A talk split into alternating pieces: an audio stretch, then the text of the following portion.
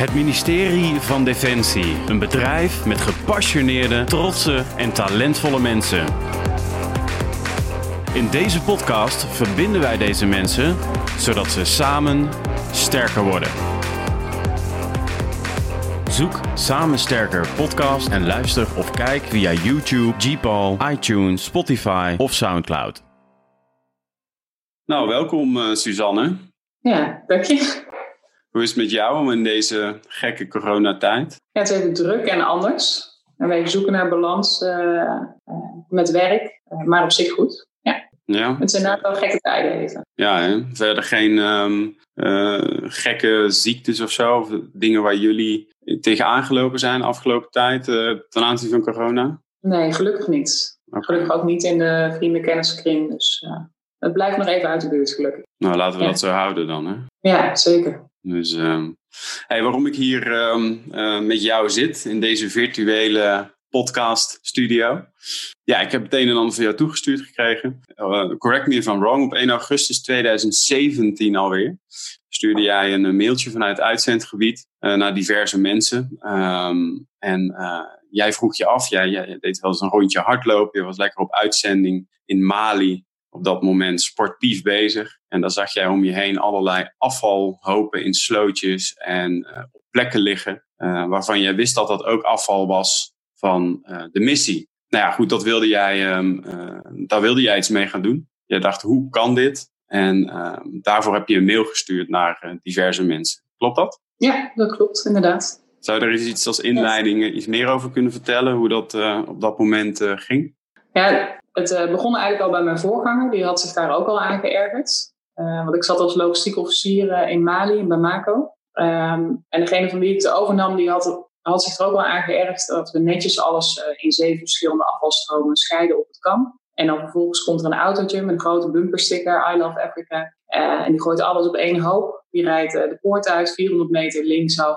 En dan stort hij alles op een willekeurig weiland van iemand anders. en dan heeft hij daarmee aan zijn verplichting voldaan. Mijn voorganger had er al klachten over ingediend. Zodoende reed het vrachtwagentje niet meer linksaf, maar reed hij voortaan rechtsaf in de hoop dat we het niet meer zouden zien. Uh, dus dat loste niks op. Uh, en toen hij wegging, toen heeft hij gezegd van, nou, Suzanne, jij moet nog een keer een klacht indienen, want hij doet nog steeds niet wat de bedoeling is. En toen heb ik dat even bekeken en dacht ik bij mezelf, ja, maar wat ga ik nou van hem eisen? Want in het contract staat dat hij het moet brengen naar een uh, afvalverwerkingsinstallatie, wat voldoet aan de Europese eisen. Maar we zaten in Bamako, de hoofdstad. En zelfs daar was zo'n installatie niet. Dus we verwachten iets van een man wat hij gewoon niet kan waarmaken. Die gaat echt niet naar een ander land toe rijden met ons afval om dat daar netjes te verwerken. Ja, en wat wellicht ook niet in zijn cultuur. Hij had daar wellicht nog nooit van gehoord, van een afvalverwerkingsmethodiek uh, uh, al daar. Ja, klopt. Het is daar inderdaad helemaal niet gebruikt. Het is heel gebruikelijk om daar uh, spullen op de grond te gooien.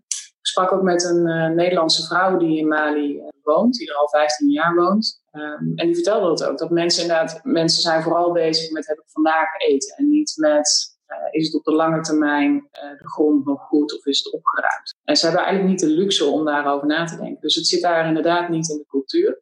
ze had dat daar binnen haar wijk ook al geprobeerd om dat met mensen te bespreken en te kijken dat ze in ieder geval de straat zouden opruimen, maar het zit er gewoon niet in. Nee. Um, en dat is gezien de, de levensstandaard van die mensen, de situatie waarin ze in zitten, echt nog het overleven, vandaag eten hebben, is dat eigenlijk ook heel goed te begrijpen. Ja, ja. ja en ze denken daar ook echt nog, nou ja, als ik mijn batterijen en mijn andere afval gewoon op het land gooi, dan gaat mijn sla daar ook echt wel beter van groeien. Ja, dat, dat doet de sla ook eventjes, maar dat je daar op de lange termijn ooit ziek van gaat worden, ja. ja dat is ook iets waar ze zich nu geen zorgen over maken. Nee, nee, nee. Um, Even een paar feitjes over plastic. Ik heb het vanochtend even opgezocht. Um, ik schrok eigenlijk wel vanochtend als het over plastic en afval gaat. Ik lees even voor. 3% van al het plastic dat elk jaar geproduceerd wordt, 3% lekt naar het milieu. Uh, een wereldproductie was in 1950 2 miljoen ton. En in 2018, schrik niet, 380 miljoen ton. En als deze trend op deze manier doorgezet wordt, dan zitten we in 2050 op circa 12 miljard ton aan plastic op stortplaatsen en in het milieu. Toen kwam ik op het begrip microplastics. Uh, dat dat hele kleine deeltjes zijn die eigenlijk met een microscoop nog niet eens te zien zijn. En dat ja, verspreidt zich in ons lichaam en in het lichaam van dieren met alle gevolgen van dien. Dus um, ja, ik schrok eigenlijk wel van uh, al deze feitjes en vooral de hoeveelheden uh, waarin dat die ja, de, de, afgelopen 50 jaar is toegenomen, Jos Suzanne. Dus echt bizar, bizar. Ja, Je hebt hier wel een onderwerp bij de kop gepakt, om het zo maar te zeggen.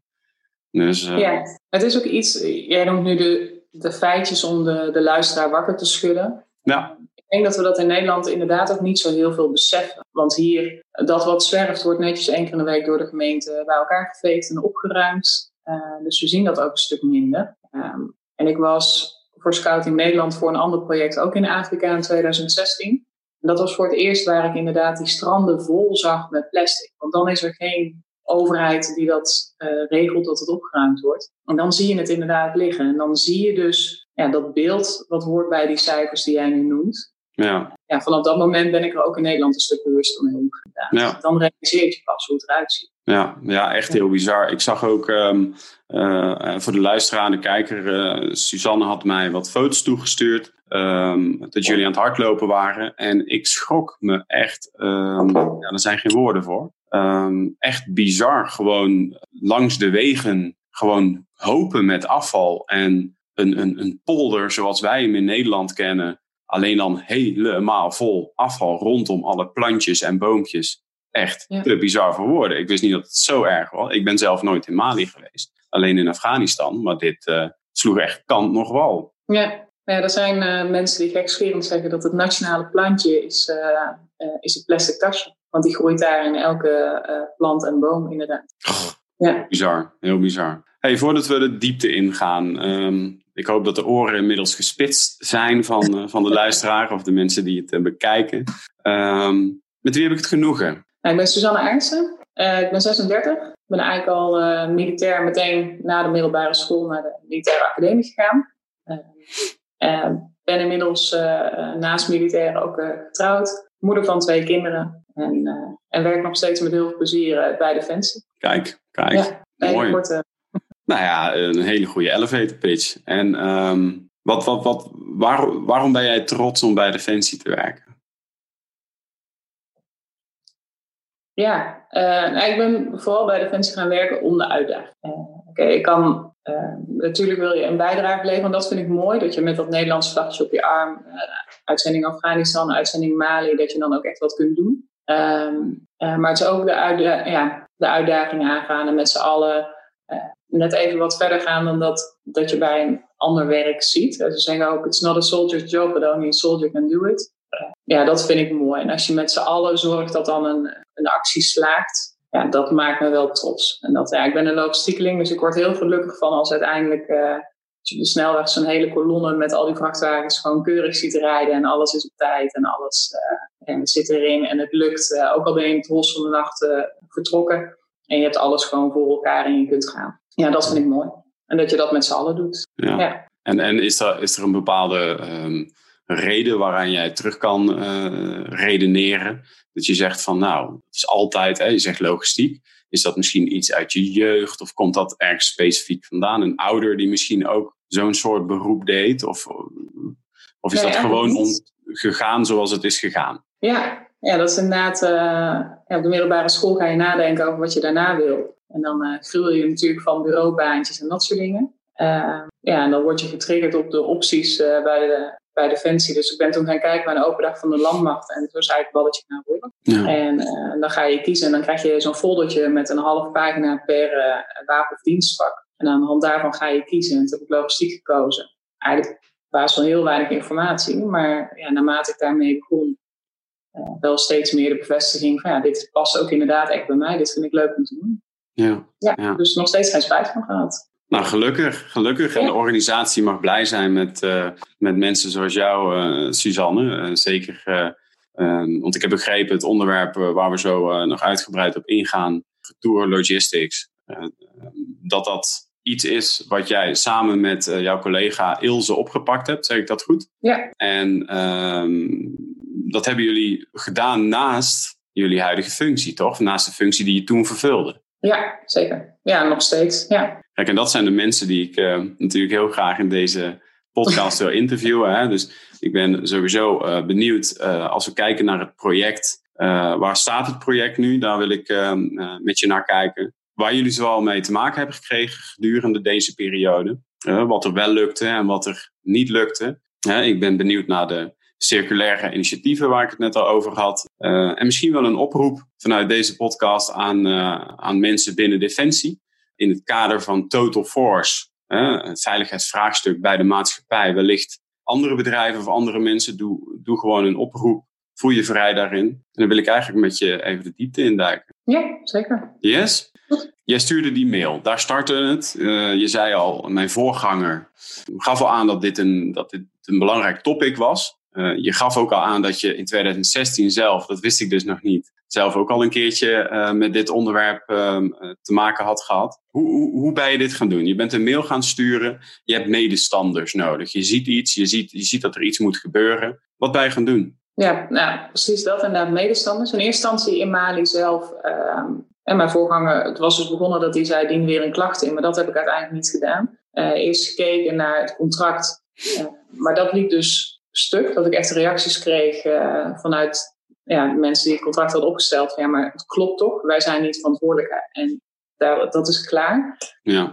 Um, dus daarmee hield het eigenlijk een beetje op. En um, toen in mijn laatste week, toen we nog uh, eigenlijk al in de overdracht zaten. En ik ging hardlopen en ik die stapel zag. En we zagen gewoon dat er spullen van ons bij zaten. Voor de beeldvorming, um, 70% van wat wij gebruikten werd uit Noord-Europa geïmporteerd. Dus ook wat we aten en dat soort dingen. Dus het is niet dat we, um, dat we gewoon met de Malinese meeleven. Wij deden echt extra uh, afval erbij stoppen. En dat was wat mij dwars zat. Um, en toen hebben we inderdaad nog één keertje heb ik een mail gestuurd en die foto's doorgestuurd. Goh, ik begrijp dat we niet heel Afrika gaan opruimen nu met z'n allen. En dat hoeft ook helemaal niet. Maar laten we in ieder geval zorgen dat wij als Nederlandse krijgsmacht het niet verergeren voor deze mensen. Want wij gaan dadelijk weg. Niemand gaat die afvalhopen opruimen. Maar wij zijn wel degene die het allemaal hier naartoe hebben gehaald. Omdat wij het wilden eten of verbruiken. Ja. Uh, en we laten het hier achter.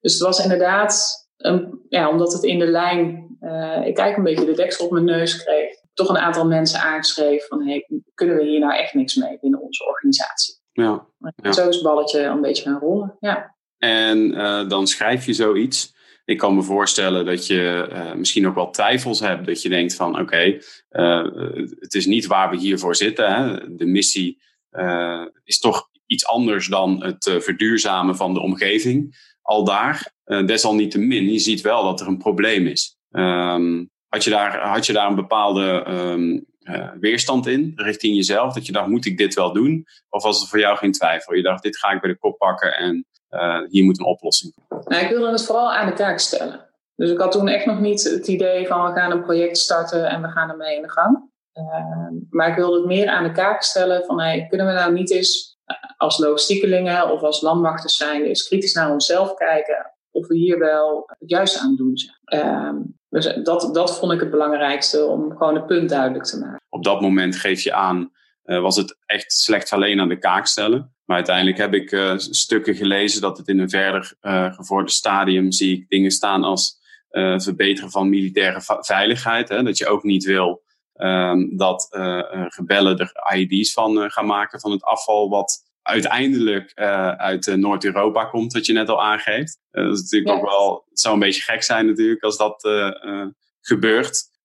en ook als je kijkt naar, en daar gaan we zo nog uitgebreid op in, retourlogistiek, langdurige inzetbaarheid van materieel zie ik hier staan. En inderdaad ook, het zou een beetje gek zijn, het is al heel erg met afval daar, dat je ook nog eens um, afval vanuit ons eigenlijk, vanuit Noord-Europa, daar naartoe brengt. Dat is er uiteindelijk uit voortgevloeid. Hè? Kreeg je gelijk die medestanders? Uh, deels. Ik heb uh, vier mensen aangeschreven. Uh, en één daarvan zei van nou inderdaad, we kunnen dat op den duur wel een keertje op de agenda zetten. Of een keertje een stukje opschrijven eh, in het logistiek vakblad bijvoorbeeld. Um, maar toevallig was het zo dat een kolonel, een kolonel van de tuin, die had ik ook aangeschreven. Dat was ooit mijn oude bataljonscommandant. En ja, dat is ook wel iemand die binnen de logistiek, uh, ja, ook waarvan ik weet dat hij veel logistieke kennis heeft, maar ook een groot logistiek netwerk heeft. Dus die had ik aangeschreven. En die had ook Ilse van der Lagemaat begeleid met de scriptie. Mhm. En daar kwam het eigenlijk samen. Want Ilse van der Lagemaat die heeft haar scriptie gedaan naar retourlogistiek. Uh, en die heeft daarvan de instandhoudingsfase uh, in Mali gepakt voor de missie MINUSMA. Kijk. En die heeft dat gedaan vanuit Matlogco. Dus alles wat we aan gebruiks- en verbruiksartikelen opsturen naar uh, het missiegebied. Daarvan heeft ze gekeken van wat kan ik daarvan nog volgen? En wat komt daar dan weer van terug? En daarvan was eigenlijk haar conclusie dat 99,7% echt superveel, gewoon ergens in een zwarte box eindigt. Een deel daarvan wordt weggegooid, een deel daarvan gaan we weer inventariseren op het moment dat we de redeployment gaan doen. Maar tijdens de instandhoudingsfase pushen wij dus een hoop spullen naar Mali toe, waarvan we eigenlijk niet meer weten waar het blijft. Nou, zij had net die conclusies getrokken met de scriptie van we moeten iets met retourlogistiek. Daar geven we eigenlijk, we hebben daar geen kennis van en we geven daar geen invulling aan. En ik had op datzelfde moment gezegd van hé, hey, dit afvalprobleem, zo kunnen we het land niet achterlaten. Uh, dus dat waren twee verschillende invalshoeken. Zij zat natuurlijk echt op het gebruiks- en verbruiksmateriaal vanuit Defensie. En ik vanuit het afvalverhaal wat we achterlaten. En dat aan elkaar gekoppeld heeft Konel van de Tuin gezegd van nou dames, ga samen eens even een bak koffie drinken. En uh, bedenk dan maar eens, hoe zouden we dat als logistiek dan wel moeten Dus eigenlijk, jullie kennen elkaar helemaal niet, toen nog niet? Um, ja, we allebei logistiekelingen en we hadden toevallig allebei bij hetzelfde bataljon gewerkt, maar inderdaad we hadden nog niet samen. Nee. Ja, en dan zit jij op uitzending in Mali. En zij is bezig met een scriptie hier in Nederland. En jullie zitten eigenlijk beide aan de twee uh, uitersten, zeg maar. De ene aan de afvalkant, de andere aan de voorkant, zeg maar, van het product. Uh, ja. uh, en op die manier worden jullie eigenlijk door iemand uit jouw netwerk aan elkaar gekoppeld. Ja, klopt. Dat is toch gaaf hoe het kan lopen, toch? Ja, ja zeker. Het is eigenlijk wel heel bijzonder. Ja, ja en dan zie je dat het ook elkaar versterkt. En wat je ziet is, daarom hebben we ook samen gezeten van wat zijn nou die doelen. Um, want heel vaak als mensen met mij praten, dan, dan gaat het over het afval. En dan gaat het over de plastic flesjes die we achterlaten en dat soort dingen. Maar dat is natuurlijk maar een deel.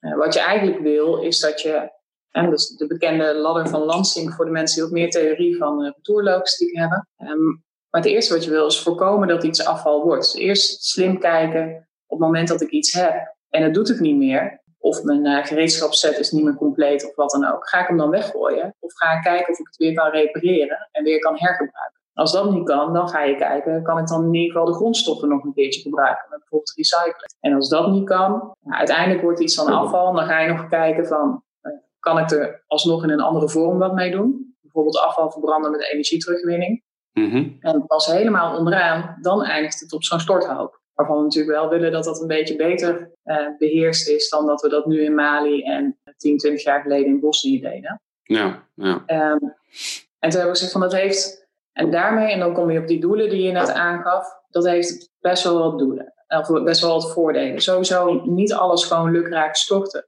Militaire veiligheid hebben we het al over gehad. Mali was dat wat minder, maar in Afghanistan zag je dat mensen echt op zoek gingen in het afval naar informatie over ons, informatie over familieleden, uh, maar ook uh, de pennen waar veertjes uit werden gehaald of andere spullen die gebruikt werden. Uh, en die we dan echt ook wel weer terugzagen in ID's die tegen ons werden gebruikt. Is die bewustwording bij de gemiddelde militair uh, die naar Mali gaat, uh, is die er op deze manier? Is dit een bekend probleem of uh, is dit slechts bij enkele mensen bekend?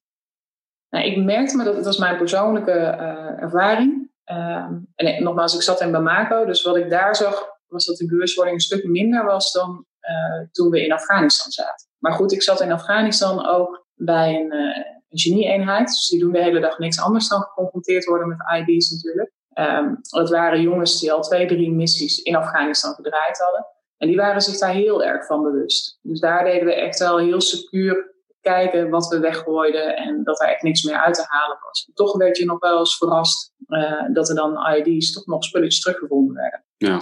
Um, en je ziet dat uh, Mali natuurlijk, ja, daar waren een aantal mensen die niet de Afghanistan-ervaring hadden of niet specifiek met die ID's te maken hadden. En daar was dat bewustzijn inderdaad wel wat minder. Ja, ja. Dus, ja het is net de ervaring en de achtergrond die mensen hebben. Ja. En waarbij uh, ik misschien ook wel wat meer spichtig was dan nodig was in Mali, waar andere collega's juist weer wat, uh, wat rustiger daarmee omgaan. Ja. Elke missie is anders.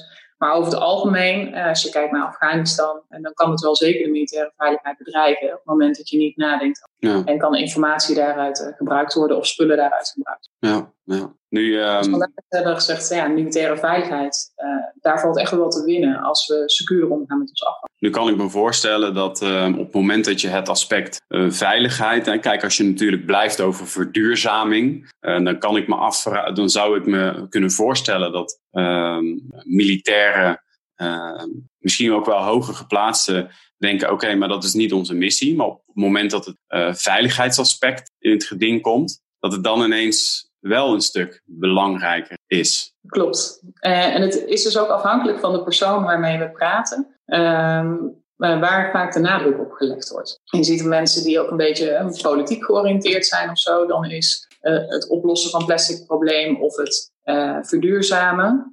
daar zijn mensen daar dan veel meer op gericht. En de voorbeeldfunctie van de overheid aan de maatschappij daarin.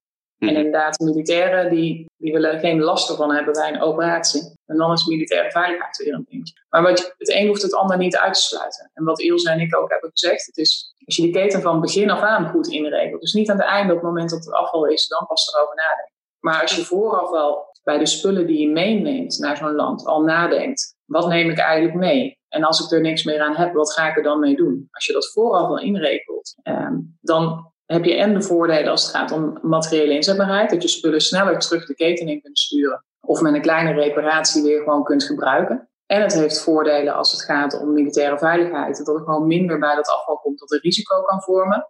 Ja. En uiteindelijk zijn voordelen op duurzaamheid. Dus het een hoeft het ander niet uit te sluiten. Ja, te gek. Te gek. Ik las zelfs uh, in een van jullie uh, stukken dat, uh, dat het ehm, mogelijk is, natuurlijk logisch, uh, als je erover nadenkt, om uh, plastic uh, weer te hergebruiken middels 3D-printing. Ja. ja, daar lopen nu ook projecten mee. wat je ziet is dat dan op kleine schaal. Ehm, in Mali zijn ze aan het oefenen geweest. Ja, het is eigenlijk wel een beetje spelende wijze ehm, kennis en ervaring opdoen met 3D-printers. Ehm, en dat, ging, dat was dan één of twee flesjes per dag. die werden gebruikt om uiteindelijk iets van te printen.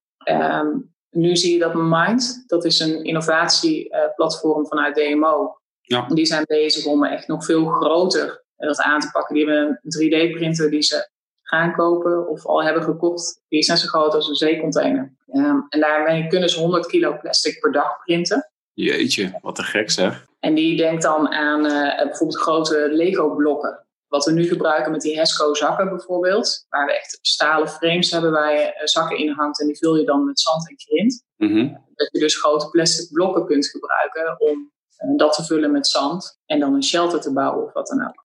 dus er komen wel steeds meer ideeën. Ja. Mijn ideaalwereld, en ik heb het nog niet voor elkaar, is dat we uiteindelijk gewoon zoveel mogelijk circulair gaan doen. En wat je ziet is, um, ik heb hiervoor 3,5 jaar bij Operationele Catering gewerkt. Alleen al tijdens oefeningen, jaarlijks gebruiken wij 1 miljoen halve liter flesjes aan water en 200.000 anderhalve liter flessen. Dat is een heleboel. En die gooien we nu bij het restafval. Nou, we zijn met onze leverancier, Spa, zijn we gaan praten over kunnen die dingen niet terug. En kunnen we daar niet alvast ervaring mee gaan opdoen. Uiteindelijk was ik natuurlijk begonnen gericht op missiegebieden. Maar we moeten ergens beginnen met uh, ervaring opdoen. En zo zijn we gestart met tijdens oefeningen weer een deel van die flesjes weer retour sturen. En die gaan dan naar een recyclebedrijf in Nederland. En die worden dan in Nederland weer um, versnipperd. En uiteindelijk worden daar weer nieuwe uh, petflessen van gemaakt. Spa maakt uh, voor nieuwe flessen is de helft is, uh, oud plastic en de helft is nieuw plastic. Dus ja, want dit is een voorbeeld. je al de helft van de grondstoffen. Dit is een voorbeeld van circulariteit, toch? Daar hebben we het nu over. Ja, dat is inderdaad bijvoorbeeld een, ja, ik denk een heel goed voorbeeld van circulariteit. Ja. Ja. En wat je ziet bij Defensie is dat, we, dat er ondertussen een studie is geweest, uh, slimme en robuuste logistiek, waarbij we willen dat bases wat meer zelfvoorzienend zijn. En je kunt je voorstellen, al die flesjes water en al het eten en drinken, dat moet allemaal zo'n bezel op. Een brandstof moet ook zo'n bezel op. Um, juist in een vijandig gebied zijn die logistieke transporten, dat is echt wel een, ja, een risico. Er zijn veel chauffeurs in het verleden, als je kijkt naar andere landen, die omkomen bij bijvoorbeeld zo'n brandstoftransport. Ja. En je wil niet dat je tankwagens vol met brandstof of met eigenlijk een heel, uh, met iets wat weinig waarde heeft, zoals heel veel flesjes water uh, in vrachtwagens, wat heel veel volume is. Dus heel veel vrachtwagens zijn op een dag. Ik denk als je een brigade inzet hebt, dan zijn het alleen al vier, vijf vrachtwagens aan water. Ja, maar je elke dag zo'n bezig moet brengen. Ja. En toen hebben ze bedacht dat er een waterbottelaar uh, aangekocht zou worden. Dat gaat goed, daar zijn ze ook mee bezig met onderhandeling met de civiele partijen om zo'n ding aan te kopen.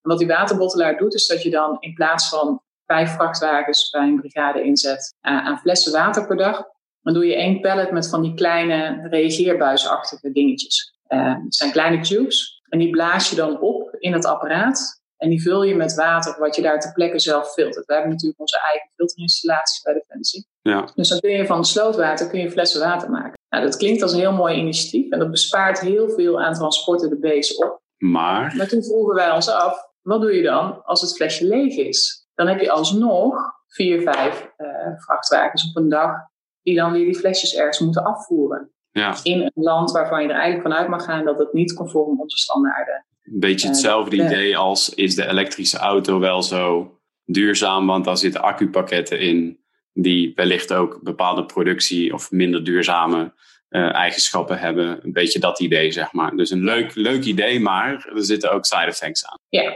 nou, wat we nu, en ja, we kwamen een beetje omdat de ideaalwereld zou natuurlijk zijn dat je dadelijk met zo'n 3D-printer uh, dat flesje ook weer gewoon op de base kan versnippen, kan omsmelten en er weer zo'n nieuwe tube van maakt. Dan heb je een gesloten keten. En dan uh, doe je dus eenmalig vier, vijf uh, vrachtwagens die kant op, maar dan blijft daar staan. Dan kun je de rest van de missie daarin zelf voorzien. Ja. ja. Um, maar dat zijn allemaal nog wel echt toekomstideeën. Maar laten we in ieder geval beginnen met samen experimenteren. En dat is wat Ilse en ik vooral afgelopen jaren hebben geprobeerd te bereiken. Het urgentiebesef en dat mensen daar dus vooraf over nagaan. als ik nu deze spullen koop, eh, hoe kan ik ervoor zorgen dat ik dat van begin af aan al goed circulair inricht? Ja. Want jullie, uh, uh, want dit was dan al een van de voorbeelden. Hè? Want ik heb uh, iets van drie voorbeelden gezien van circulaire initiatieven, zoals jullie ze noemen. Um, je hebt een klein beetje uitgelegd over wat circulariteit is. Ik vond een hele mooie slagzin uit ehm,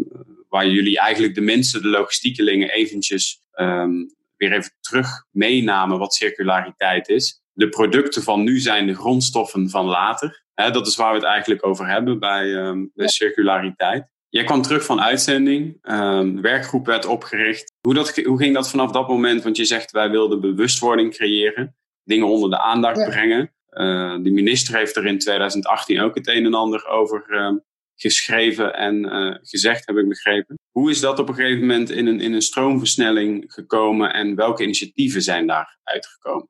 Ja, we hebben meerdere stappen gedaan. We hebben vooral heel veel, uh, in de eerste periode heel veel tijd besteed aan kijken wat loopt er al op Defensie. Uh, waar is iedereen mee bezig? En zo zijn we met steeds meer mensen gaan praten. En via die gesprekken werd je weer gewezen op, je moet ook met die gaan praten of met die. Um, en toen kwamen we er eigenlijk een beetje achter dat er genoeg mensen zijn binnen Defensie die Ehm, die goede ideeën hebben. Eh, maar wat je ziet is dat als we dan gingen vragen en wat loopt er nu van? Of is het al gelukt of eh, lopen er al concrete dingetjes? Dat het dan altijd stil werd. Het bleef heel vaak bij ideeën die dan uiteindelijk weer stoppen. Ehm, en wat we zien is dat het ons niet zo heel veel moeite kostte om mensen te laten beseffen van hier moeten we wat mee. Vaak als met mensen ging praten dat mensen zeiden van oh inderdaad, hier moeten we wat mee. Ehm, maar dat dan, en hoe maken we het concreet? Dat dat iets is wat, wat echt wel lastig was. Ja. En toen hebben we van een aantal van die initiatieven hebben we geprobeerd om dat alsnog op te pakken en, uh, vlot te trekken. Daarnaast hebben we via het kenniscentrum logistiek, die hebben een platform dat heet UP. En op UP uh, kun je een onderwerp uh, neerzetten. En dan zeg je van nou, ik wil aan de gang met tourlogistiek. Wie wil mij helpen? En dan kan eigenlijk iedereen van de landmacht gemeenschappen. Vooral veel logistiekelingen zijn dat in de rang van ja, sergeant tot en met generaal kunnen mensen aangeven: Goh, ik wil wel met jou meedenken over dit onderwerp. Oh, wat goed. En zo hadden we, um, ja, binnen no time hadden we 12, 13 man die met ons één keer in de maand gingen brainstormen. En toen zijn we één keer in de maand gaan zitten van wat kunnen we nou doen aan initiatieven. Um, wat, um, ja, wat we nou inderdaad, uh, om het concreet te maken en om het echt door te pakken. Ja. We hadden daar op een gegeven moment ook contacten met de marine mee. We hadden ook iemand van de marine in die werkgroep zitten. Uh, we hadden op een gegeven moment studenten van Defensity College ook in die werkgroep en stagiaires. En daarmee zag je dat we dus ook uh, niet alleen het standaard landmacht uh, en standaard logistieke kringetje, maar dus ook andere ideeën. Um, en zo hebben we best wel veel ideeën kunnen formuleren. Nee, daar kunnen we. Ja, ik denk ook wel dat het een natuurlijk gaat om iets wat heel veel mensen aan het hart gaat. Um, maar alles valt in staat natuurlijk met hoe je iets brengt. Hè? Uh, hoe is je narrative? Hoe is je verhaal? Um, dus, dus hoe heb jij dat? Misschien trouwens wel leuk. Ik heb natuurlijk uh, Ilse even uh, gesproken gisteren. Ja. En, en ik vraag altijd even, ik ga dan met iemand eh, een podcast opnemen, in dit geval met jou. En dan ben ik eigenlijk wel benieuwd naar ehm, wie jij bent. Uh, hoe anderen over jou denken. Je zei net al, en dat sluit eigenlijk heel mooi hierop aan, want je moet wel een verhaal over de bühne brengen. Um, en wat Ilse over jou schrijft, Ilse zegt dat jij iemand bent die, als je kansen ziet, um, dat je daar dan, uh, dat je meer doet dan dat er in jouw functiebeschrijving staat. Um, en dat je altijd op een creatieve manier naar alternatieve manieren kijkt om je punt te maken. Visueel, zegt zij, of in, in woorden. Dus even een. Uh, van, ja, het is heel mooi dat ze dat ja. Ja, en dat hoor ik hier eigenlijk ook wel in. Herken je in deze dingen? Uh, dat, vooral dat punt maken, dat je daar goed in bent en creatief in bent? Ik herken wel bij mezelf dat een bepaalde drive zit. Dat, ik, uh, dat je daar vanzelf wel creatief van wordt. Want je merkt als mensen uh, bijvoorbeeld zeggen, ja, maar het kan niet. want indien die situatie kan het niet, dus we gaan überhaupt niet hiermee aan de slag dat ik dan inderdaad wel een bepaalde drive heb van, ja, maar dan gaan we toch kijken of het op een andere manier wel kan. Ja, dus daar word je dan inderdaad wel uh, creatief van. Ja, ja. ja. Ja, en weet je, uh, ik vroeg me ook gelijk af, al die andere militairen, niet, niet om mensen, uh, hè, niet om een vervelend beeld over andere mensen te schetsen, maar iedereen ziet die afvalhopen liggen. Um, ja. Maar jij bent er uiteindelijk mee aan de slag gegaan. Je hebt je nek uitgestoken en um, waar komt dat vandaan? Dat je dacht, ik, hè, je had het al doorgekregen van je voorganger, dat gaf je al aan. Uh, ja. Maar jij dacht, oké, okay, ik moet niet een klacht in gaan dienen, want dat is negatief. Dat werkt vaak niet bij mensen. Uh, wat maakte dat jij dacht, oké, okay, ook wat Ilse zegt, um, als je kansen ziet, dan, um, dan, dan doe je meer dan wat er in je functie omschrijft. Waar komt dat vandaan? Ja, goede vraag. Ja, de, de, drive om het toch voor elkaar te krijgen, denk ik. Dat je inderdaad, ja, zoals mijn voorganger zei, eh, een hele goede eerste reactie, ik dien een klacht in. Maar dat heeft hij dus een keer gedaan en dat werkte niet. dus als we dan alsnog resultaat willen, dan moeten we kijken naar waarom werkt het dan niet. En wat is een andere manier om dat wel te bereiken. Ja. Dus inderdaad de drive om, wel, uh, uh, om het wel voor elkaar te krijgen. Ja, ja. ja. gaaf gaaf. Ik denk een hele goede eigenschap. En uh, ik kan me ook voorstellen, omdat je al aangaf dat je ook al eerder in Afrika was geweest. Dat zei je net toch? Mm -hmm. um, dat je al eerder die beelden had gezien. Dat dat ja. je wel... Uh, je, je bent ook moeder. Uh, ja. ja. weet je, op deze manier zijn we even plat gezegd uh, de wereld natuurlijk aan het verkloten. en um, dat is het gewoon. Ik lach er wel bij, maar dat is natuurlijk meer als een boer met kiespijn. Het is natuurlijk wel echt schrijnend om allemaal te zien. En jullie zijn hier wel met een werkgroep. Jullie hebben jezelf hier echt in gestort. En daarom ben ik ook heel benieuwd na al die veren van, van Ilse. Um, um, welke, welke, welke circulaire initiatieven zijn er eigenlijk um, uit voortgevloeid? Uit jullie inspanningen? Um, nou, dan is het niet alleen onze inspanningen, maar met mensen samen. Uh, we zijn uh, bezig met, het, uh, met de afvalverbrandingsinstallatie, dus de aankoop van afvalverbrandingsinstallaties. Um, dat gaat nu heel goed, maar daarvan hebben we ook gezegd dat is echt, wat ik net al zei in die ladder van Lansing, een van de laatste stappen, dat het afval is geworden en dat je het verbranden. Dus daarnaast loopt er nu ook een CDNE-traject naar de doorontwikkeling daarvan. Um, eigenlijk de afvalverbrandingsinstallatie 2.0, waarbij die dan nog energie teruggeeft en dat je er op je base ook echt wat aan hebt aan je afval. Um, maar de grootste stappen worden denk ik gezet binnen de operationele catering. En dat is echt niet alleen aan mij, maar we hebben met ons cluster van operationele catering bij elkaar gezeten. Van goh, ik ga nu wel overal naar buiten toe de boeren op met retourlogistiek. Maar 40% van wat er in die afvalhoop ligt, is afkomstig vanuit de voeding. Verpakkingen van je, je kuipje boter en je melkpakje en je kaasplakje. Uh, kunnen we daar niet wat mee? Uh, dus daar wordt nu echt druk samen met uh, Marvo, de leverancier van onze warme maaltijden, gekeken naar ander type bakjes. waarbij minder grondstoffen worden verbruikt. En wat ik al zei met Spa, het echt terughalen van die flessen om ze weer te recyclen. Mm -hmm. Dus daar worden ook, ja, daar worden best wel veel stappen ingezet. En ook samen met de leveranciers. Verder het belangrijkste wat er uit die werkgroep is gekomen, um, met ook die studenten en andere logistiekelingen, is dat we een tool hebben ontwikkeld. Mm -hmm. En die tool geeft aan, nou, in de uitzendssituatie, is dit mijn situatie? Wel of niet met andere landen, wel of niet een goede uh, relatie met uh, de lokale bevolking bijvoorbeeld.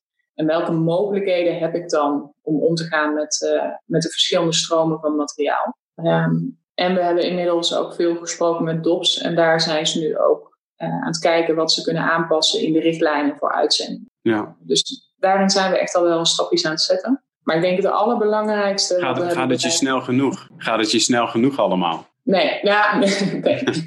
Niels en ik hadden, ons, uh, hadden onszelf een jaar gegeven voor dit project. Uh, nou goed, inmiddels uh, zijn we nu bijna drie jaar verder. Ja. Um, en waar je tegenaan loopt is dat het heel erg lastig is. Ik denk dat wij met ons, we gaan een jaar hier aan werken en dan hebben we wel wat bereikt. Dat dat echt ook wel een beetje te, te voorbarig was. Maar wat je ziet is dat we vooral het eerste jaar of het eerste anderhalf jaar heel erg bezig zijn geweest met uh, het opbouwen van het netwerk, um, urgentiebesef creëren. Uh, mensen krijgen die inderdaad zeggen van, oh ja, ja, ik ga er inderdaad, ik zie die ideeën en ik kan daar wat mee. Ja, en kijken wat er al was, wat je al aangaf ook. Wat er al ja. gebeurde op dat gebied. Ja. Wat er al gebeurde en wat je dan uh, vlot kon trekken. Um, en wat je nu eigenlijk ziet, nu, uh, ik denk na 2,5 jaar verder, nu zie je dat het balletje, dat die olievlek gaat werken. Dat het ja. uh, gaat rollen. Wat ik zei, dat er mensen, dat zijn niet wij, maar dat zijn andere mensen bij DOPS die nu aan het kijken zijn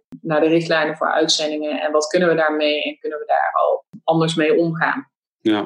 bij de HDBV staan ze nu ook voor open om te gaan kijken van kunnen we richtlijnen aanpassen. de regeltjes die we nu met z'n allen bij Defensie hebben, uh, klopt dat wel? Uh, hoe gaan we het beheer en SAP doen van onze gebruiks- en verbruiksartikelen? Ja. En dus je ziet nu dat er overal wel wat dingetjes uh, beginnen op te starten. maar we zijn er nog lang niet. Je ziet nu dat we het eerst hebben aangewakkerd en mensen zijn nu voorzichtig de eerste stapjes aan het zetten. Waar zit dat hem in, denk je? Um, uh, mij heb je gelijk. Ik denk, jeetje, wat een, wat een probleem. Ik, ik heb slechts een half uur research gedaan op internet en wat ik allemaal tegenkom. Um, ja, weet je, ik denk dat heel veel mensen wellicht um, dat er. Dat, hè, je hebt altijd met belangen te maken natuurlijk als mens zijnde. Maar waar zit dat hem in? Organisa qua organisatie en cultuur? Of zit dat hem in geld? Of hoe komt dat dat ja. dat zo lang moet duren, zeg? Ja, allemaal wel een beetje, denk ik. Inderdaad, uh, we hebben gesproken op het symposium Circulaire Economie en op de logistieke dagen. We hebben uh, gepubliceerd in de, het Logistiek Magazine. En inmiddels ook heel veel op Facebook en overal opgestaan. Um, en we krijgen eigenlijk heel veel positieve reacties. Mensen bes beseffen inderdaad, net zoals jij zegt, echt wel dat dit een probleem is.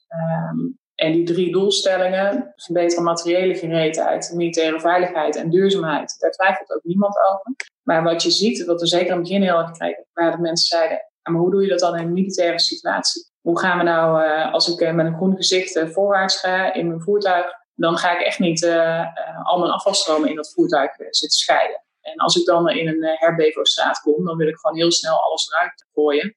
En dan wil ik weer verder. En dan wil ik niet na moeten denken over mijn flesjes in de ene zak en iets in de andere zak. Dus wat je ziet is dat dat, dat concreet maken bij een militaire inzet, hoe je dat dan doet, dat, dat vinden heel veel mensen lastig om dat te zien. En dat is, een, ja, dat is de belangrijkste reden dat we ook die tool hebben gemaakt. Want mensen zitten niet altijd met hun groene gezicht uh, 24 uur per dag in hun voertuigen, in een, uh, in een gevecht wat uh, heel snel gaat. Ja. Mensen hebben ook momenten dat ze rustig op een beest zitten. Nou, je bent zelf militair geweest, dat weet je ook. Ja. en hetzelfde geldt voor oefeningen. Er zijn dagen dat je aan het schieten bent en er zijn dagen dat je echt twee, drie dagen flink aan je staart wordt getrokken met een scenario in het veld. Ja. Maar daarna treed je, dan ga je ook weer terug naar een, een verzamelplaats of naar een, een rustige base. En in die situaties kan het dan weer wel. Ja. Dus we hebben mensen vooral opgeroepen van ga nou niet alleen maar denken van uh, het kan toch niet voor ons als militair, maar ga kijken waar het wel kan. Ja. Waar je ook tegenaan loopt is dat mensen uh, heel veel zitten met regeltjes of dingen zoals we het altijd doen. Um, en ja, we liepen, Ilse zegt iedere keer vertel dat voorbeeld van die flesjes. Maar toen we daarmee begonnen met die flesjes, uh, toen had ik binnen het BNT al heel snel medestanders die zeiden goed initiatief, we gaan nadenken over hoe we die flesjes vanuit oefeningen weer terugkrijgen naar jullie zodat Spa ze weer kan recyclen. Um, daar hadden ook een paar adjudanten een slim plan gemaakt over hoe je dat zo doet. Dat het geen extra transport kost. Dus dat ze niet met de wagens van de voeding meegingen, maar met de Prio 9 wagens, wagens die even snel reservedelen gaan brengen. Uh, die gaan vaak toch voor een deel weer leeg terug. Dus dat we niet extra hoeven te rijden. Ja. Dat klonk allemaal hartstikke goed. En toen zag je dat er, uh, helaas binnen de eigen Madlogka waar ik toen werkte, mensen zeiden, ja maar in de regel staat dat de retouren altijd via deze weg moeten. En altijd eerst naar de verzamelplaats en dat we dat altijd zo doen. Want zo staat het in de regels. En dan zit je eigenlijk jezelf binnen je eigen organisatie dwars. Uh, Frustreert dat? Heeft dat je ook wel eens gefrustreerd of niet? Dat ja. je dacht van, come ja, on guys, kom op. Ja. ja. Maar dat is, ik snap ook wel, ja, die mensen willen natuurlijk zo goed mogelijk hun werk doen en die volgen daarin de regels. Uh, en dat is waarom Ilse en ik de vorige keer toen we bij de HDPV uh, uh, langs mochten komen, ook eigenlijk wel heel eerlijk hebben gezegd van jongens, we moeten eens even nadenken of die regels wel goed zijn. En die regels, alles moet terug via de verzamelplaats. En waarom? Waarom moet dat altijd die hele keten terug? Probeer het zo kort mogelijk te doen. Als je het maar één stapje in de logistieke keten terug hoeft te gaan, ja, dan hoeft hij echt niet die hele weg weer terug. Dan, eh, dan haal je er geen voordeel uit. Ja. Uh, of de regel, alles onder de 500 euro gooi je weg. Uh, want dat, dat heeft dan geen zin meer om te repareren. Dat is echt een hele commerciële gedachte. Ja. Maar met onderdelen van bijvoorbeeld wapens of verbindingsmiddelen, die zijn al gauw goedkoper dan die 500 euro. Maar ik kan niet zomaar even een nieuwe kopen. Dan moet ik weer wachten tot er een, een nieuw project komt of een vervangingstraject. Maar niet tussendoor eventjes uh, een nieuw snoertje of een nieuw dingetje. Ja, dus ja. dat soort regels, die hebben we uh, in tijden van, ja, van dat we gewoon weinig geld hadden, hebben we dat soort regels vaak opgesteld. En wij zijn sowieso wel een organisatie die heel graag dingen zwart-wit wil hebben, zodat we zeker weten dat iedereen hetzelfde doet. Ja, maar daar ja. heb ik ook wel last van. Waar, waar denk je dat de meeste weerstand zat, uh, Suzanne? Um, je zegt nu, uh, heb je het wat meer over beleid, hè? dus waar de regels opgesteld worden. Maar je had het net ook over uh, de uitvoering. Mensen die, ja. mezelf nog op het goede rijden. En uh, wij, wij vulden gewoon vuilniszakken, geloof ik. En die gingen uiteindelijk mee terug naar de base. En dan werd dat verbrand, kan ik me herinneren. Ja. zoiets was het. Um, ik kan me dat ook vanuit militair perspectief, kan ik me ook wel weerstand voorstellen. Hè? Dat je denkt, we zijn met een missie bezig. Maar als jij nu, uh, want je hebt het eigenlijk over, dat is een economisch, was een hele economische uh, filosofie, gedachte, uh, manier om daarnaar te kijken, wat je net zei. Um, aan de andere kant staat natuurlijk er op een duurzame manier naar kijken. Um, ja. Dus mijn vraag is concreet van, oké, okay, maar um, A, waar zat de weerstand? Het meeste, denk je? En hoe gingen jij en Ilse, en toen inmiddels een werkgroep van 13 man, hoe gingen jullie hen, die sense of urgency, in laten zien dat die regels um, eigenlijk helemaal niet meer, uh, ja, in deze tijd niet meer logisch zijn. Ja, de, de weerstand, dan moeten denk ik de groep ook even in tweeën splitsen. De, de, de echte operationele militairen die als idee hebben van ja, maar ik moet vooral niet mijn operatie verstoren. Uh, ik moet er vooral geen last van hebben. Ik moet natuurlijk gewoon snel mijn dingen kunnen doen. Um, en dat proberen we nu te triggeren door mensen gewoon meer mogelijkheden te, te geven. Zoals bijvoorbeeld die tool dat mensen heel eenvoudig kunnen kijken. In die situaties kan ik dit wel en dit niet. En ook ja. door mensen, ja, door in gesprek te blijven en mensen uit te leggen.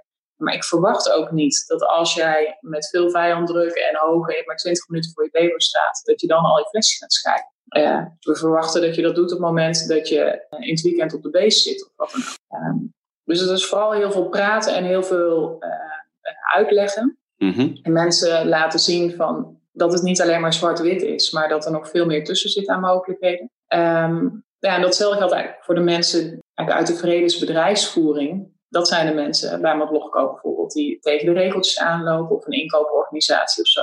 Uh, door die ja, ook in gesprek te blijven met de mogelijkheden en voorbeelden te noemen. Ja, ja, ja. En dat is wat ik ook hoop. Ik haalde net operationele catering aan. Daar zijn ze echt uh, goed bezig in gesprek met leveranciers. Om, uh, om samen te kijken hoe kunnen we stappen aan de voorkant al zetten. Bij keuzes die je aan de voorkant al maakt, kunnen aan de achterkant al besparen. Um, ja, en ik hoop dat andere mensen dan zeggen: Oh, maar wacht, wat zij kunnen, kan ik ook. Ja. Al is het maar die kleine dingetjes als dat wij standaard bij operationele catering op de agenda hebben staan. Als we met een leverancier uh, praten, is de laatste vraag: wat speelt er bij jullie op het gebied van duurzaamheid? Uh, zal ik vertellen wat wij als defensie aan het doen zijn? En zullen we ideeën uitwisselen? Ja. Dat staat nu gewoon standaard op de agenda. En dat hoeft niks op te leveren, maar soms komen daar dingen uit waar we zelf nog helemaal niet aan gedacht hebben. Heb je ook wel eens echt uh, uh, heftige weerstand gehad of discussies met mensen die uh, jullie echt confronteerden? Waar zijn jullie in hemelsnaam mee bezig? Is dat wel eens gebeurd? Het valt, het valt gelukkig mee. De meeste mensen, ehm, daar kun je goed mee in gesprek. we hebben één keer een incidentje gehad dat inderdaad de Marche C zijn. Dat was toen we begonnen met het terughalen van die plastic flessen. Toen belde de Marche C mij en die zei een boete voor jou en voor elke soldaat die gaat rijden met de plastic flesjes. En ik wil dat je per direct uh, daarmee stopt. En dat was op, woensdag of donderdag of zo. Uh, en we zouden maandag beginnen met die oefening. En uh, voor het eerst die pilot gaan draaien met het terughalen van die plastic flesjes. Um, nou, dat was wel even vervelend. En wat je ziet is omdat we, Ilse en ik, inmiddels een aardig netwerk hadden opgebouwd. Mhm. En ook een paar keer, we mochten bij de CDS komen, mochten bij CELAS komen. En we hebben op Facebook gestaan. Uh, dus toevallig had ik, ja, iedere keer als zoiets gepubliceerd wordt, krijg je mailtjes van mensen. Van, goh, leuk initiatief, of kunnen we een keertje babbelen. En ik zag dat bij één iemand stond in zijn handtekening dat hij uh, meester in de rechten was uh, en verstand had van milieu. En dat was gewoon iemand die moet ik hebben. Die moet ik hebben. Precies. En dus ik heb hem gebeld en heb het erover gehad. En het voordeel was dat hij heeft mij toen die regelgeving uitgelegd. En Marché dacht, um, ja, het is afval, we hebben geen vergunning om met afval te rijden. Uh, dus het mag niet. Maar op het moment dat je spullen terughaalt ten behoeve van recycling, dan is het geen afval, maar dan is het juist een grondstof. Daar zit het verschil in regelgeving in. Um, maar dat zijn van die dingetjes, als je dat niet weet, of als je niet precies weet waar die regelgeving vandaan komt, en dan sta je al met 1-0 achter. Um, dus maar het raakt, je toch ook wel, het raakt je toch ook wel heel diep in je hart uh, als mens zijnde dat jij aan de ene kant probeert de wereld te verbeteren. En dat iemand anders, ja, met alle respect, ik probeer altijd heel positief te zijn in de podcast. Maar op het moment dat iemand uh, dwars gaat liggen uh, aan de ene kant met het verbeteren van de wereld uh, en het milieu. En aan de andere kant gaat zeggen, ja, maar dan mag je niet mee rijden. Dan zijn we volgens mij het doel wel een beetje uh, uit het oog aan het verliezen. Precies, en dat is ook precies wat ik hem verteld heb toen. Toen ben ik inderdaad ja, gewapend met de regelgeving onder mijn arm van die man die daar veel verstand van had. En nog een reservist die in ons projectteam zat, die mij ook veel kon vertellen daarover. Ja. heb ik de Marseille gebeld en gezegd, nou, voordat je die boete gaat schrijven, kunnen we eerst even een koffie drinken samen. Um, en echt geprobeerd om op die manier, precies wat jij zegt, gesprekken aan te gaan. Van ja, die regels, dat je niet met afval mag rijden, die hebben toch hetzelfde doel. Dat we de wereld allemaal een beetje schoner achterlaten. Als dat wij nu met die plastic flesjes willen gaan rijden. Dus hoe kan dat elkaar dan dwarsbomen? Ja. Uh, uiteindelijk zijn we er ook goed, goed uitgekomen. Uh, maar het is wel heel frustrerend dat hij dan uh, meteen zegt: het mag niet, ho, stop. Um, en wat, ik, wat me ook raakte was, ja, dan zit ik hier als, toen als kapitein op een kantoortje zit ik dit te verzinnen. Maar uiteindelijk die soldaat die gewoon een opdracht krijgt, breng deze flessen terug naar Nederland. En die wordt ermee geconfronteerd aan de grens op het moment dat de marge controleert. Ja. Uh, dus het is inderdaad, in dat soort situaties is het heel veel makkelijker om, om te stoppen. Om dan maar te zeggen, ik doe het niet. En dat, uh, ja, dat, ja, je zei ook net van heel veel mensen zien de urgentie, maar mensen doen het niet. Maar als wij regels opstellen of voor onszelf intern onze organisatie heel snel uh, barrières opgooien, dan is het zoveel makkelijker om te zeggen: oké, dan kan het niet. Ja, en dan moet je echt af en toe even uh, tot frustrerend toe gaan pushen. Van jongens, kunnen we niet eens kijken naar waar die regels vandaan komen. Waar zit dat dan volgens jou voornamelijk in? Dat mensen uh, met oogkleppen op toch de dingen blijven doen die ze deden? Want dan ja. krijg je wat je ja. kreeg, zeggen ze wel eens. Dus... Ja, dat klopt. Ja, oogkleppen klinkt al meteen weer heel negatief. maar het is, ik denk inderdaad dat dat het wel is. Dat mensen hun eigen taak zo goed mogelijk proberen te doen. Uh, maar dan nog niet een stukje achteruit kunnen stappen en net wat verder kunnen kijken naar wat er voor hun en achter hun gebeurt. Ja, en als je inderdaad alleen maar naar je eigen taak kijkt en die probeert zo goed mogelijk uit te voeren. En dan zie je niet wat er nog meer omheen kan. Wat je wel ziet is dat mensen ontmoedigd worden door regels. Of weten van nou, als ik dit wil gaan doen, dan moet ik eerst nog zoveel handtekeningen en dan, dat is allemaal zo'n gedoe. Uh, ja, het, het, ontmoedigt mensen wel. Mensen ja. weten wel van ja, ik, ik krijg zo'n verzoek op het hoger niveau er toch niet doorheen. Of dit gaat me toch niet lukken. Waar staat het op dit moment? Ja, wat we nodig hebben is dat de organisatie het zelf gaat dragen. En dat, uh, en Niels en ik zeggen ook af en toe, wij willen van projecten af. Nou, daarvan zijn we nu de eerste stappen aan het zetten. En dat is niet omdat we het geen warm hart toedragen. Uh, maar Ilse is second uh, in clustercompie. Ik werk op dit moment bij DTNO. Uh, het moet niet die major van DTNO en die kapitein van de clustercompie zijn die overal de boer op gaan met we moeten naar retourlogistiek. Um, het moet uiteindelijk iets zijn wat echt vanuit de organisatie gedragen wordt. En, en waarin elke schakel zijn eigen dingetje gaat doen. Dus bij de HDBV dat ze kritisch gaan kijken naar de regels die we stellen en de randvoorwaarden die uh, mensen nodig hebben om op deze manier al aan de voorkant na te kunnen denken over hoe gaan we met onze spullen om. Ja. Een inkooporganisatie die de ruimte krijgt, dat ze niet maar alleen maar vermeten worden op wat is het goedkoopst om in te kopen. Maar ook van tevoren al nadenken, hey, als ik dit inkoop, uh, wat betekent dat voor, voor onze organisatie aan dat we weer uiteindelijk spullen terug kunnen krijgen of goed kunnen beheersen of dat het daar ook niet te veel bij het afval komt. Daar moet je hun nu al de mogelijkheid voor geven. Daar hebben ze kennis voor nodig, maar daar hebben ze ook ruimte voor. En, en zo zie je dat denk ik overal binnen onze organisatie. Um, moeten daar stapjes in gezet worden. Ja. dat gebeurt al langzaam. We hebben ook met OTC Log al gesproken over dit bijvoorbeeld terug laten komen in de opleidingen van militairen. Want wij zijn ook als logistiekelingen, onderofficieren, officieren, echt opgevoed. En dat het belangrijkste is spullen zo snel mogelijk op de eindlocatie te krijgen. Ja. En pas als je er bent en de oefening loopt, dan ga je uiteindelijk even op een rustig moment ook nog even een, uh, een plan maken voor de terugverplaatsing. Maar als je van tevoren alvast over nadenkt, in plaats van het moment dat het einde in zicht komt, dan kunnen we daar ook wel echt wel stappen in zetten met z'n Ik heb gelijk het idee, als je kijkt naar de doelen die jullie gesteld hebben, het verbeteren van militaire veiligheid, langdurige inzetbaarheid van materieel, uh, verduurzaming van de omgeving die je achterlaat in een uitzendgebied. Uh, dit is ons werk. Dit zijn drie doelen wat ons werk als een militair bedrijf is. Is het dan Ja. niet juist van belang dat we hier een afdeling voor oprichten? Ja. ja, daar hebben we het ook vaak over gehad. Ik denk aan de ene kant ja, want je hebt ook aanjagers nodig. Je hebt mensen nodig die er achteraan blijven zitten ehm, totdat het echt bij ons in zit. Maar aan de andere kant, ja, alleen zo'n afdeling kan dat natuurlijk ook niet. Wat ik al zei, de OTC Log kwam al met laten we mensen op het moment dat we officieren een logistieke opdracht geven, meteen al zeggen: ik wil van jou een plan met hoe je het gaat doen, inclusief eh, het retouren. Hoe je dat gaat inregelen, dat de spullen ook weer retour komen, dat je alles netjes achterlaat. Ja, dat soort stapjes. Dat kan zo'n afdeling niet zelf voorzien. Uiteindelijk moet dat overal in de, in de organisatie doordrukken. Ja, Dus een afdeling is, is denk ik een goede aanjager. Maar je hebt die olievlekwerking, die, die blijf je nodig hebben. Dat uiteindelijk de hele organisatie wat meer eh, in cirkels gaat denken. En niet alleen maar een rechte lijn. ja, ja. ja. Hey, ehm, als je langzaam naar het einde toe uh, kabbelend, ehm, Suzanne. ehm, zijn er ook dingen, hè? eh, je hebt dit samen met Ilse eh, opgestart. Ja. Je zegt ook, ja, je loopt tegen weerstand aan. Uiteindelijk los je dat weer op. Eh, wat, wat Ilse heel mooi zegt, dat jij eh, ehm, eh, openheid uitstraalt. Dat je open staat voor, voor dingen, van, voor de mening van andere mensen. En dat zijn allemaal denk ik wel eigenschappen die echt wel heel erg belangrijk zijn als je zo'n project opstart. Dat je niet de negatieve kant belicht. En ook vooral luistert naar de emoties van mensen, want daar heb je het over. Hè?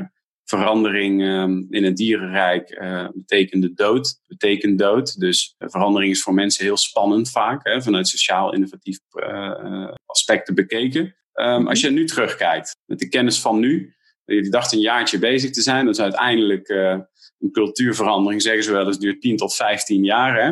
Uh, maar het klimaat kun je wel degelijk veranderen en dat hebben jullie gedaan. Uh, als je nu terugkijkt, uh, met de kennis van nu, ehm, zijn er ook dingen die je anders gedaan zou hebben? Um, nee, dat, klinkt wel arrogant, eigenlijk niet. Uh, behalve onze eigen verwachtingen. Denk ik. Nou, wat ik al zei, wij dachten in een jaar tijd iets neer te zetten en heel concreet te worden. Daar hebben we het Ilse wel vaak over gehad. Maar ja, nog steeds niet weinig concreets. Aan de andere kant, als je nu kijkt, drie jaar later, dan hebben we echt wel stappen gezet. En hebben we steeds meer mensen die naar ons toe komen en zeggen: Goh, ik ben daar eens mee aan het proberen en ik ben eens aan het kijken hoe ik dit kan toepassen of uh, daarmee aan de gang kan. Uh, dus ja, stiekem hebben we echt al veel bereikt en denk ik dat, dat het echt wel anders uitziet als toen drie jaar geleden ik die mail stuurde en een deel van de mensen tegen mij zeiden: Ja, maar het is nou eenmaal zo. Ja. Nu word ik benaderd door mensen die zeggen: Goh, ik ben daarmee aan de slag. Uh, en zie ik dat er kleine stapjes gezet worden. Ja. Dus wat ik denk het grootste is dat Ilse en ik het onderschat hebben hoeveel tijd er over zo'n uh, verandering heen gaat. En hoe groot en, uh, en complex het is. Het is niet alleen maar, laten we voortaan tegen alle logistiekelingen zeggen dat ze ook aan retourlogistiek moeten denken. Nee, nee. Dat is wel iets, uh, en we dachten, nou, dan zet je dat in de syllabus en dan ben je er. Ik heb heel gechargeerd gezegd, we hadden iets uitgebreider over nagedacht. Maar dat is het dus niet. Het nee. is echt inderdaad, wat je zegt, een verandering in denken en die begint nu heel erg langzaam. Ja. Ik denk dat we nog op het niveau van kruipen zitten op dit moment. Maar als dit balletje zo verder gaat rollen, dan heb ik echt wel vertrouwen in dat we stappen in gaan zetten. Is dat inherent aan een defensieorganisatie? Dat we nu op kruipen zitten? Zijn er misschien eh, bedrijven, best practices, die jij wel eens aanhaalt? Dat je zegt van kijk eens naar dit bedrijf, hoe zij het doen? Of... Ja, wij zijn wel een logbedrijf, dat, uh, dat wel. Uh, maar aan de andere kant hebben we ook al veel mensen die goed in oplossingen kunnen denken. En uh, okay, Ilse zegt, Suzanne is creatief in dingen, maar daar ben ik echt niet de enige in. Er zijn heel veel mensen die dit kunnen. Maar we zijn inderdaad ja, wel heel erg traditioneel laten doen volgens de regels en laten doen zoals we altijd deden. Maar ja, ja wat ik al zei, ik heb mijn hele leven alleen maar bij Defensie gewerkt. Ik denk dat je dat um, uh, overal wel uh, nog ziet. En wat je ook, ik hoorde vorige keer in een speech van, uh, van een hoogleraar bij het Radboud, die doet onderzoek naar hoe we met z'n allen kunnen verduurzamen. Die zei ook van de discussie loopt al 30 jaar. Maar we hebben het met z'n allen zijn het er nu over eens dat we moeten verduurzamen. Maar het is hooguit bij wat kleine initiatieven gebleven. Maar echte grote stappen hebben we daar nog niet in gezet. En dat vond ik, dat herkende ik wel. Toen dacht ik, oh, als hij zegt dat de discussie al 30 jaar loopt. Ilse en ik zijn nu drie jaar bezig met dit project. En we hebben inderdaad uh, kleine stapjes al gezet. De eerste flesjes zijn al terug naar, uh, naar Spa. maar dat zijn er echt nog maar een paar. We zijn kleine projectjes. En er loopt nu dus een projectje voor andere bakjes voor de warme maaltijd. Zo kleine stapjes zijn we aan het zetten. Ja. Maar echt een hele grote verandering, ja, die moet nog komen. En daarvoor moeten we eerst met z'n allen inderdaad uh, samen gaan werken en kritisch gaan kijken naar wat we aan het doen zijn en hoe we het. Waar ben je het meest trots op? Als je nu, uh, ik hoor al de kleine stapjes, als je nu terugkijkt, ondanks dat, het, dat je liever had gehad dat het sneller was gegaan, uiteraard. waar ben je het meest trots op wat, wat jullie bereikt hebben? Nou, ik denk dat we stiekem al heel veel mensen hebben bereikt met urgentiebesef. En dat we, ja, dus, dus trots het aantal mensen wat we nu bereikt hebben, die ook gezegd, ja, inderdaad, ehm, daar moeten we wat mee. En dat ook een deel van die mensen ook heeft gezegd, en ik ga ook kijken wat ik daarmee kan doen. Ja. En daarmee zijn we langzaam onze olievlek aan het vergroten. Ja, ja te gek. Te gek. Uh, je hebt al um, grotendeels aangegeven uh, wat je droom is, hè? hoe de ideale situatie uh, er volgens jou uitziet.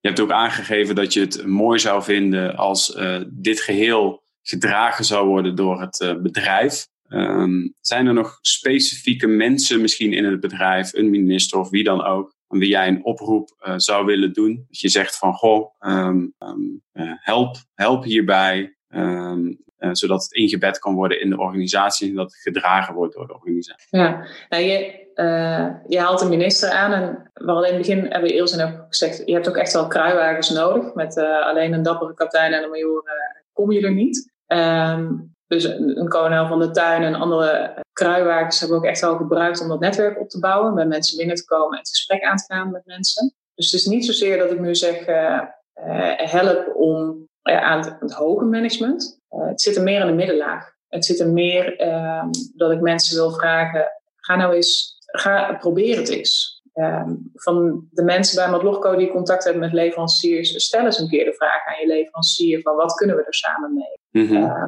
van de mensen, we hebben nu met klasse 1 zijn we dingetjes aan het doen. Uh, de mensen op de werkvloer, ja, start eens iets op, probeer daar eens mee. En als we met z'n allen kleine stapjes gaan zetten, dan gaan we daar wel komen. Dus het zit hem niet zozeer meer in het, dat het hoge management zegt, ja, dit moeten we doen. Maar mhm. nu zit het in dat we ook met z'n allen uh, gaan proberen om het ook echt te doen. Ja, ja. mooi. Hey, um, als uh, afsluiter. Ehm, wat zou jij mensen, uh, jullie hebben veel bereikt. Ik vind het echt prachtig wat jullie doen. Niet alleen voor Defensie, maar voor de wereld. Uh, het is best wel een groot ding natuurlijk wat jullie, wat jullie aan het doen zijn. Wel, ja. Dus wow, echt respect daarvoor. Um, ja, je bent daarin wel een, echt een changemaker geweest samen met Ilse.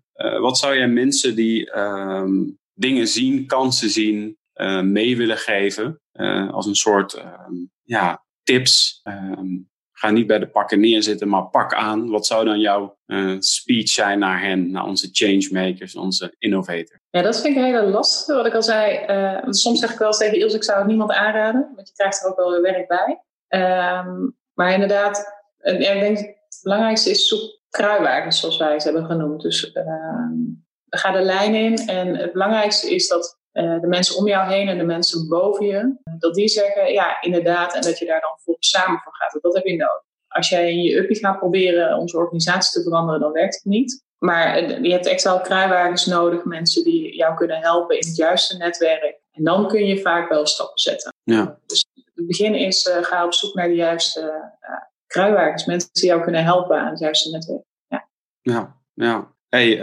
um, ik wil je onwijs bedanken voor deze podcast. Um, als uh, kort slot, waar kunnen mensen jullie uh, vinden? Waar kunnen ze meer over het project vinden?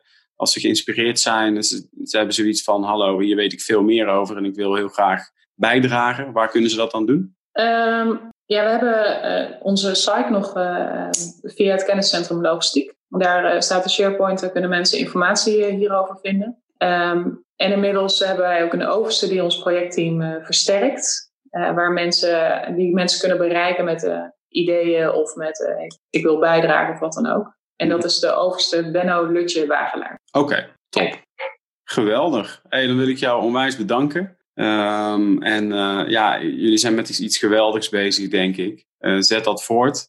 Ik hoop ook voor jou en Ilse dat jullie het ook los kunnen gaan laten op een bepaald moment. Ja, ik kan me voorstellen dat het ook best wel, ehm, ondanks het, dat het heel dankbaar is, ook wel een last is die je al die tijd met je meedraagt. Want dat is natuurlijk een flinke klus. Ehm, en uh, ja, keep doing what you're doing. Super gaaf, dankjewel. Gaan we doen. Nou, dankjewel voor dit gesprek.